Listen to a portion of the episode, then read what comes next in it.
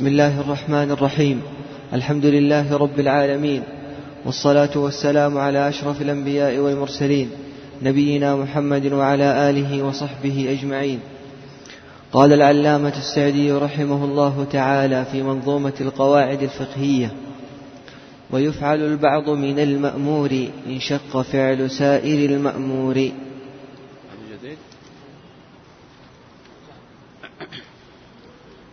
بسم الله الحمد لله والصلاة والسلام على رسول الله. تقدم معنا أن النبي عليه الصلاة والسلام قال إذا أمرتكم بأمر فأتوا منه ما استطعتم. هذا إذا كان إذا كانت العبادة تتجزأ. وإذا كانت لا تتجزأ فإذا تسقط عنه بالكلية وقلنا مثال الصلاة. يستطيع أن يصلي الركعة الأولى وهو قائم والركعة الثانية يشق عليه القيام. ويذهب عنه الخشوع نقول صل الأولى قائم وتصلي الثانية وأنت جالس. ويأخذ الأجر كاملا. نعم. وقال أستطيع أن أصوم نصف النهار. فهذا العبادة لا تتجزأ. مفهوم؟ طيب. نعم. قال إذا كل إنسان الله سبحانه وتعالى محاسب على هذا. إذا أمرتكم بأمر فأتوا منه ما استطعتم. أحيانا يجيك سائل يقول أنا لا أستطيع. تقول الله حسيبك. الذي تقدر عليه لابد أن تأتي به. إذا كانت تتجزأ. لأنه بعض الناس يقول لا لا أقدر. إذا لا تقدر إذا سقط عنك. وإذا تقدر فالله حسيبك على هذا. لأنه قد يأتيك إنسان يقول أنا مريض. لا أستطيع صيام رمضان. قل الله حسيبك في هذا. صح؟ اي نعم. طيب. قال كذلك يقول الأمر بالمعروف والنهي عن المنكر بحسب القدرة والاستطاعة. نعم لكن أقل درجات إنكار المنكر الإنكار بالقلب وليس بعد هذا. صحيح مثقال ذرة من إيمان إذا لأن كل واحد يستطيع أن ينكر بالقلب في أحد لا يستطيع؟ إشكال هذا. نعم. وهل كلفنا الله سبحانه وتعالى بما نطيق أو بأكثر مما نطيق أو بأقل مما نطيق. الثالث بأقل مما نطيق ومع هذا جاء التخفيف وهذا فيه دليل على يسر الشريعة. ابن سعدي رحمه الله تعالى وعلى هذا الشيخ بن عثيمين رحمه الله تعالى يقول إذا رأيت فتوى ميسرة وفتوى فيها شيء من التعسير فقال لكن من دون تتبع الرخص. وكان مع الفتوى الميسرة الدليل فخذ بالميسرة لأنه هذا هو الدين. ولذلك هو الشيخ بن عثيمين رحمه الله تعالى يذكر هذا في الجدوى الإخوة. يقول جدوى الإخوة يعني كثر الاضطراب فيها.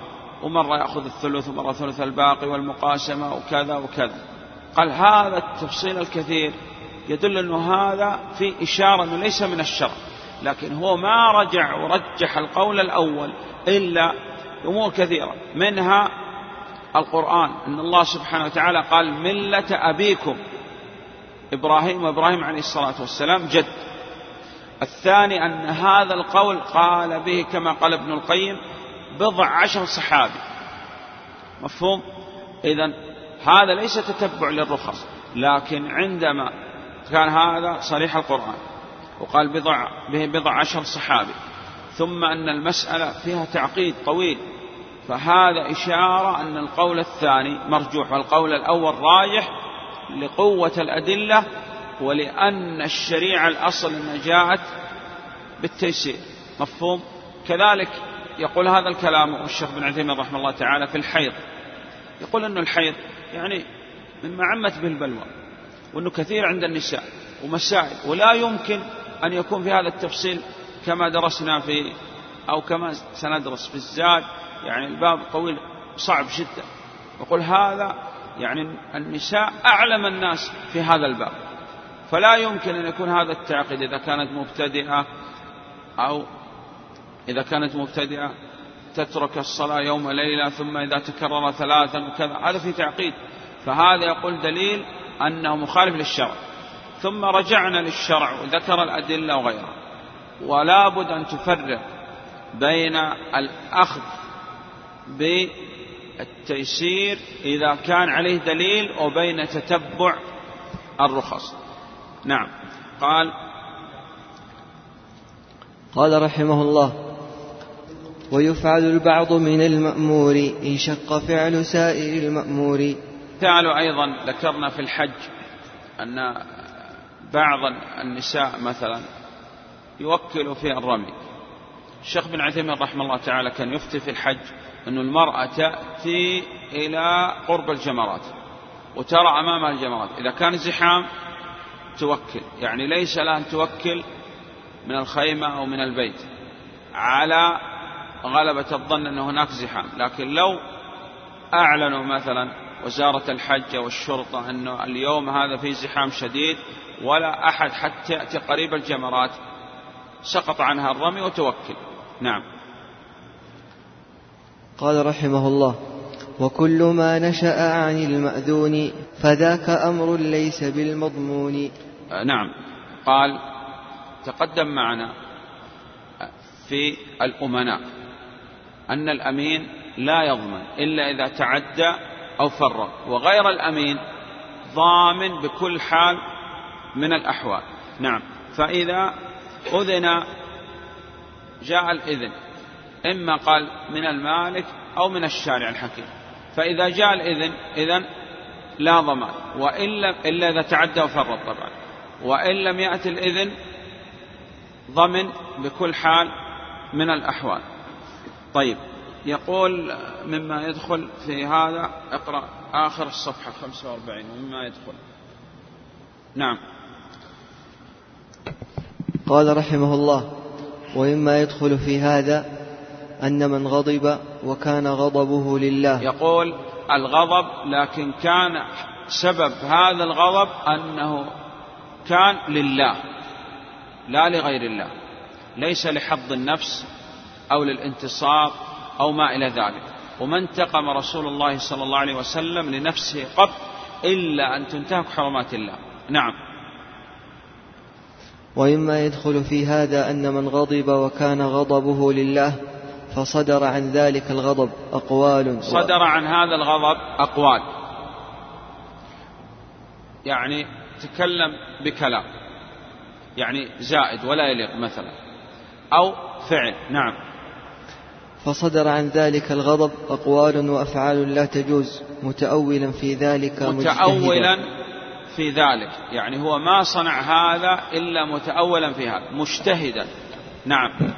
قال فإنه معفو عنه. فإنه معفو عنه لأن هذا الغضب أولا لله والثاني كان متأول في هذا مجتهد لا معاند ولا متعصب ولا عنده حظ من حظوظ الدنيا.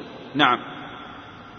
كما قال عمر رضي الله عنه للنبي صلى الله عليه وسلم في شأن حاطب بن أبي بلتعة إنه منافق.